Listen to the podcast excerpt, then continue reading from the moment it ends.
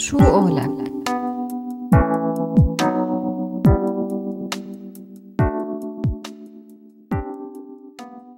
طارق بالي مهندس اتصالات من مدينة حمص. عاش طفولته بالسعودية ودرس بسوريا بجامعة دمشق. بعد التخرج اشتغل MTN بقسم ال quality وال database بس الأهم من هيك طارق هو مدير المحتوى ومنصات النشر الرقمية بالراديو وكمان بيغطي موضوعات تتعلق بالتكنولوجيا والإعلام الرقمي. وبالإضافة لأنه همام وعمر بيحبوا يطلقوا عليه لقب المدير الإقليمي لأسباب مجهولة هو مقيم حاليا بالعاصمة الألمانية ببرلين بهدف الدراسة والعمل. مديرنا الإقليمي كيفك؟ يا أخي هي نكتة داخلية يا حبيبي. معلش أفصحنا عنا قبل قبل المقابلة ما تأكل هم. منيح. تمام. آه طارق آه بداية بدنا نبلش معك بسؤال. هل صحيح إنه من الممكن إنه يكون الموبايل مثل فنجان القهوة؟ يعني يقرأ ماضيك ويتنبأ بمستقبلك؟ يمكن عم نبالغ بالتشبيه بس فهمت قصدنا مو؟ طبعا. آه، يعني هو أنا أول شيء عندي مشكلة على الموضوع إنه فنجان القهوة ما بيقول لك مستقبلك ولا ماضيك ولا بيقول لك شيء. بس يعني رح أمشي معكم بهذا التشبيه. فرضا فرضا. هلأ هو التليفون يعني وضوح على إنه في يعرف كل يعني فيك تعرف كل شيء عن ماضيك منه عليك رسائلك عليك أرقام تليفوناتك إيميلات الشغل يعني مثلا موبايلي عليه أرقام كل بني آدم تعرفت عليه من 2004 لهلأ يعني صار له 15 سنة. فيعني أكيد هذا الشيء. بس موضوع المستقبل صراحة ما بعرف يعني بجوز موضوع الموبايل كله مثلا بعد سنتين ثلاثة ما يعود أصلا شيء أو محوري. فيعني موضوع المستقبل شوي صعب الواحد يحكم فيه. طيب طارق هلا علاقة السوري بالعموم واللاجئ على وجه الخصوص علاقة كتير خاصة بالموبايل، فالموبايل هلا صفيان يعني مثل شباك على الوطن وأسرع طريقة لناخذ الأخبار، وبقيمك عن الترجمة إذا كنت مثلا لاجئ بشي بلد أو شي، هل يا ترى فينا نقول إنه الموبايل صار جزء لا يتجزأ من السوري؟ يعني طبعا أكيد فينا نقول هيك بس أنا ماني شايف إنه والله بس من السوري. يعني شايف إنه صاير شيء اذا لا يتجزا من كل حياة البني آدمين. يعني اللي ما عنده موضوع الترجمة بيكون عنده موضوع المواصلات اللي ما عنده موضوع المواصلات بيكون إيميل الشغل مثلا. فماني شايف إنه والله في مجموعة عالم هي بس السوريين عندهم موبايل كل شيء أساسي كل البني آدمين صراحة صاروا. يعني صار امتداد للبني آدم ما عاد جهاز منفصل. يعني صار البني آدم نفسه بني آدم محسن لأنه انضف له امتداد اللي هو الموبايل. طيب طارق آه، هل التحذير من مخاطر الموبايل هو أمر اعتيادي مرتبط بالتحذير من كل شيء جديد مثل ما بيصير معنا بأي شيء جديد بنشوفه بحياتنا؟ أم فعلا في مخاطر حقيقية من من استخدام الموبايل؟ هلأ أكيد في شغلات فيها مبالغة أو حتى أحيانا هي مجرد تخاريف يعني بس آه، كمان أكيد في شغلات آه، أكيد خطيرة ومهمة. يعني مثلا التحذيرات في تحت تصنيف إنه والله السرطان بي...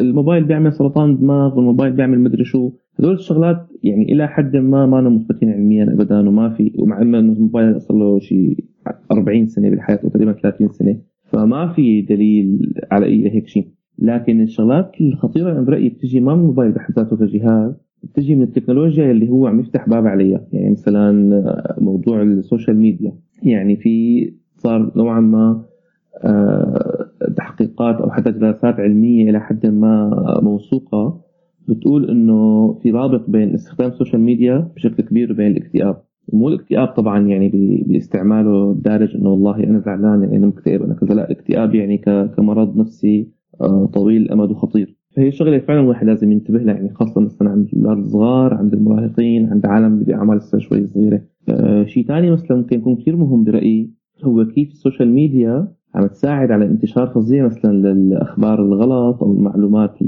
الغلط. يعني هيك شيء واحد ضل بيسمع عنه بدراسات وبحكي عام وكذا وبحس شغله كثير بعيده عنه ابدا ما بتأثر. بس هي شيء كثير مؤثر بالحياة اليومية. ودائما الحكومات أو أجهزة المخابرات أو خاصة الحكومات اللي عندها حالة البروباغندا مثل مثل روسيا والصين ودول العالم هن دائما سابقيننا نحن كمستخدمين وسابقين الشركات نفسها بيخطوا لقدام.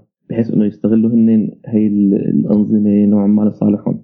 يعني مثلا صار في كذا تحقيق صحفي عمل السنتين الماضيين أثبت بشكل قاطع إنه روسيا كان عندها جهود كثير كثير كثيفة تتدخل بانتخابات أمريكا ب 2016 وكل انتخابات كبيرة بعد صارت بأوروبا بالبرازيل بالهند. دائما كان في جهود كثير كثيفة لحتى روسيا تقدر تلاحق مصالح. يعني روسيا هي أكثر حدا عنده جهود متقدمة بهذا الموضوع. بس الموضوع طبعا يعني مما كان في في يتدخل فيه. فهذا الشيء ما والله هيك حكي عام يعني أو حكي عالم معهم آه، معهم يعني حتى مثلا فيسبوك نفسها التحقيقات اللي هي بتعملها بشكل داخلي كل فترة فترة بيقول لك نحن والله محينا مثلا 100000 بروفايل طلع إنه هن مرتبطين مثلا بجهات استخباراتية أو مرتبطين بجهات حكومية ببلد معين. واذا بتراقب هي الأرقام مع الوقت بتلاحظ بتلاقي إنه دائما لما تكون في انتخابات في بلد كبير أمريكا الهند ألمانيا كذا بكون عدد هي البروفايلات أكبر بكثير من من الشيء المعتاد. في نوع ما تربط الموضوع مع مع جهودهم بهذا المجال. هلأ آه، في بشكل يومي أكثر ملموس شوف هذا الموضوع ونحن ما كثير دخلنا بالانتخابات وكذا بس أنا مثلا صار لي سنتين ثلاثة تقريبا لما عم شوف آه، خبر على ال social media هون بألمانيا آه، بحاول فوت على التعليقات وشوف شو شو نوع التعليقات الموجودة شو نوع الأشخاص اللي عم يعلقوا فبتصير تلاقي الظاهره طبعا مو كلهم بس موجودة دائما هي حالة ال comment المعلب كثير والمبين يعني مبين كليشة جاهزة ما بيكون مدخل 100% بطبيعة الخبر. بس بيكون مثلا خبر عن اللاجئين فبيكون ال comment مثلا بشكل عام ضد اللاجئين أو مثلا ضد ميركل أو ضد ايا كان يكون. وبتحسه إنه كثير كليشة كبيرة. كنت مثلا على ال profile بتدقق جواته بتلاقي إنه هذا ال profile كثير ما منطقي. يعني الزلمة حاطط صورة نسر العلم الامريكي نسر عليه علم أمريكا مثلا. وساكن في ضيعة صغيرة مثلا بتكساس. وعم يعلق على أخبار ضيعة صغيرة مثلا بألمانيا. والتعليق تبعه هيك معصب وكذا ويعني وكثير كثير مهور إنه شو مشان ميركل لازم تروح لازم تروح تعمل كذا لازم تعمل كذا. فحتى بعدين مع الوقت صرت دور على هي التعليقات على جوجل. بيطلع معك إنه هي تعليقات مثل ما هو بالحرف التعليق هذا موجود مثلا على كذا post بكذا محل. أو بتلاقي مثلا نفسه موجود على تويتر أو موجود بشي blog موجود زي مدري وين. فدائما بتلاقي إنه في كليشيهات كثير منسوخة وملزوقة ومتوزعة. فيعني بتصير بتحس بشكل ملموس بقديش هي الشبكه كبيرة. شبكة الأشخاص اللي عم بيحاولوا يأثروا على الرأي العام بشكل عام. يعني مو كل شيء أنت بتقراه تعليقات غاضبه على الفيسبوك تحت فيديو معين. هن هدول العالم فعلا مهتمين بهذا الموضوع. فهذا برايي موضوع كثير مهم. هلأ آه، شغلة ثالثة أنا كثير بتخوفني خلينا نسميها المسؤولية الفردية أو بالأحرى يعني غياب المسؤولية الفردية. كيف يعني؟ يعني إنه العالم على الفيسبوك مو كل العالم طبعا بس يعني شائع جدا إنه العالم فيه بتستسهل ال share. بتلاقي شغلة تعمل لها share بدون ما تتأكد ابدا من مصداقيتها من صحتها قديش منطقية. يعني مثلا هلأ من فترة وقت من كم يوم وقت صار العمل الإرهابي بنيوزيلندا هذا اللي فات على جامع ووصل 51 شخص. يعني مثلا أنا وصلني هذا الفيديو فيديو حرام يعني فيديو مأساوي محزن يعني يعني صادم صراحة. وصلني على واتساب من حوالي 10 أشخاص. يعني ما في حدا عم يخطر له إنه أنا ما رح شير هذا الفيديو هذا الفيديو كثير بشع في عالم عم تموت في عالم عم تنأذى يعني كثير كثير موقف الفيديو كان مؤذي.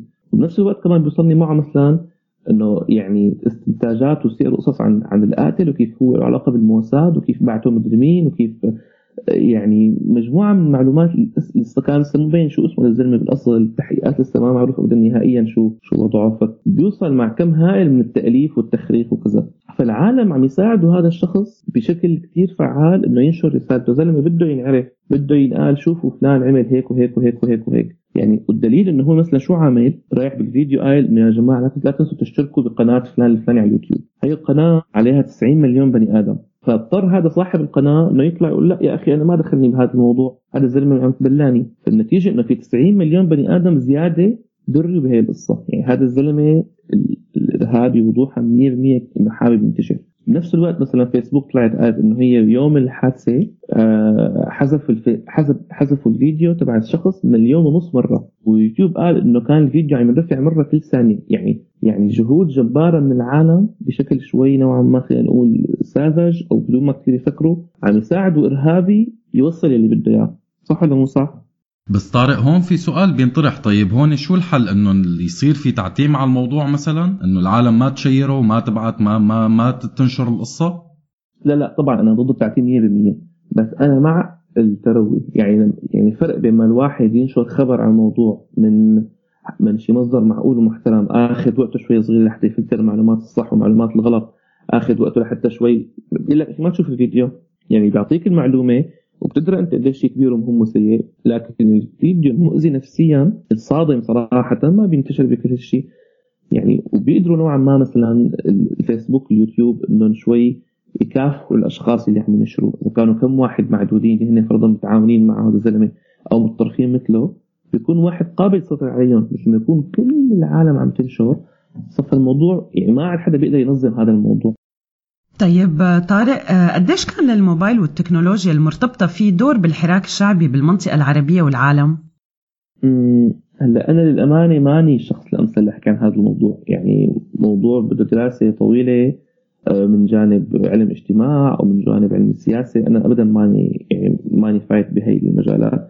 يعني أنا فيني أشوف من برا إنه أكيد فيسبوك وغيره قدموا منصة نوعا ما برات سيطره النظام وفرت للعالم طريقة تقدر تتجمع بعد بعد المعلومات تنظم حالها إلى آخره. آه، بس كمان بعدين تبين إنه إلى حد ما كانت مخترقة وفي كثير عالم اعتقلت من وراهم في كثير خطط فشلت وكذا إلى آخره. فيعني مثل ما كان له دور كثير مفيد كمان كان له دور كثير آه، سلبي. بس يعني صراحة أكثر من هيك بغمق ما كثير فيني أحكي عن الموضوع. ماني ابدا الشخص الأنسب.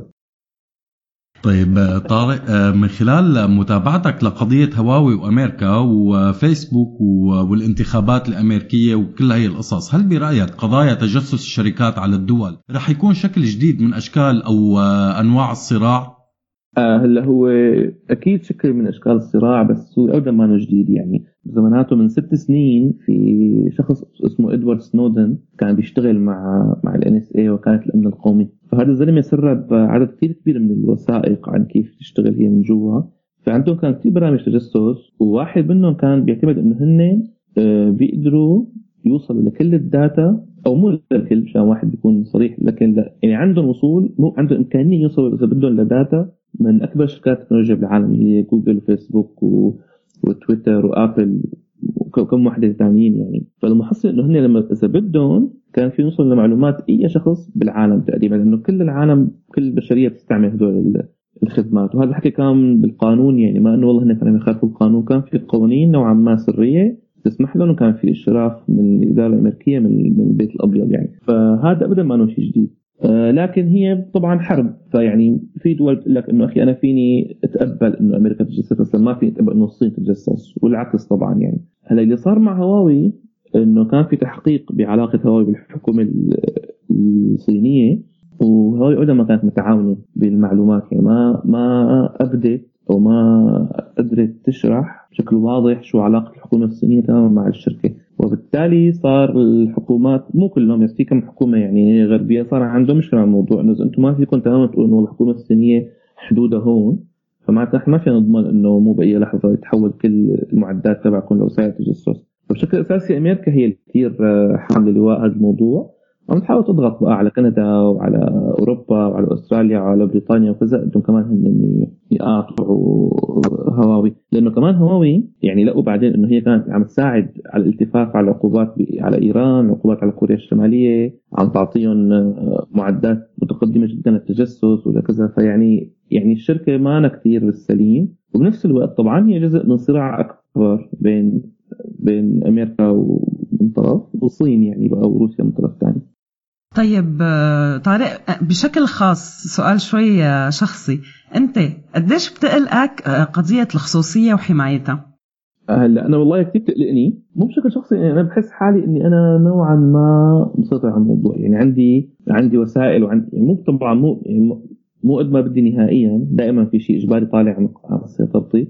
لكن على الأقل حتى اللي ما فيني أتحكم فيه نوعا ما عندي معرفة شو عم يصير. لكن مشكلتي هي بالأعم إنه إنه معظم العالم ما عندهم يعني العالم ما بتعرف نهائيا فيسبوك شو بيعرف عنا بضل تتفاجئ بنوع الدعايات اللي بيطلعوا لها ضلوا بيتفاجئوا كيف فلان دري بمدري شو. آه واللي بيزعجني أكثر إنه في هي المحادثه نوعا ما بأوروبا بأمريكا عم يصير في قوانين عم يصير في اهتمام من العالم ومن السياسيين بموضوع الخصوصية. مثلا بأوروبا السنة الماضيه الاتحاد الأوروبي طلع قوانين كثير كثير مهمة يعني. تجبر الشركات أي شركة بتلم معلومات عن زباينها تجبرهم على طريقة معينة حتى يحافظوا على المعلومات من التسرب لازم تكون مشفرة لازم يكون الشخص يعني الشخص اللي عم تنجمع عنده المعلومات على اطلاع تام على شو هي المعلومات شو تفاصيلها وشو هي. لازم عند يكون عنده وصول عليها يعني فيني أنا أشوف فيسبوك شو بيعرف عني كل شيء وفيني أطلب مثلا من فيسبوك إنه أخي محيهم شو شو بتعرف عني؟ انت أنا كلهم بدي اكتب فيهم فباوروبا صار عندي هذا الحق أنا. لكن المشكلة بقى إنه بالسياق السوري نهائيا ما في يعني لا في لا في لا في جهة توعي العالم عن هذا الموضوع من أساسه لأنه السوريين بعزقين كل العالم ولأنه حكومتهم ما عندها أي آه، اهتمام من هالنوع ولا عندها طبعا أي قدرة أصلا تعمل أي شيء مفيد. آه، عمليا ما عندهم حكومة يعني. تماما.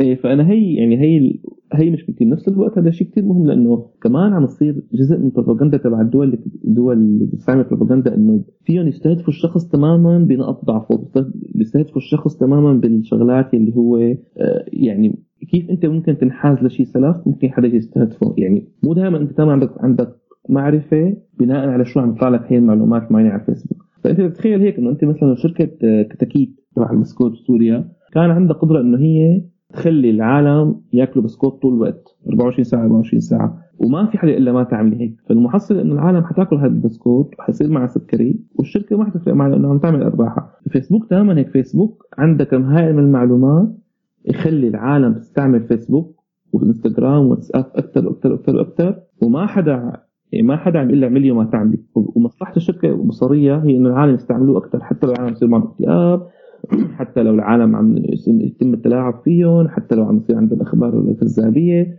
مثلا بميانمار كان في انتشار فظيع على الواتساب ل لنوعا ما إشاعات عن عن عن الروهينج يعني عن المسلمين الروهينجا فهي الإشاعات يعني بس انتشرت بشكل فظيع بين العالم والنتيجة إنه في شيء عشرة ماتوا. يعني صار في مجزرة بحق عالم لأنه والله في حدا كان عم يحاول يعمل هي الشغلة.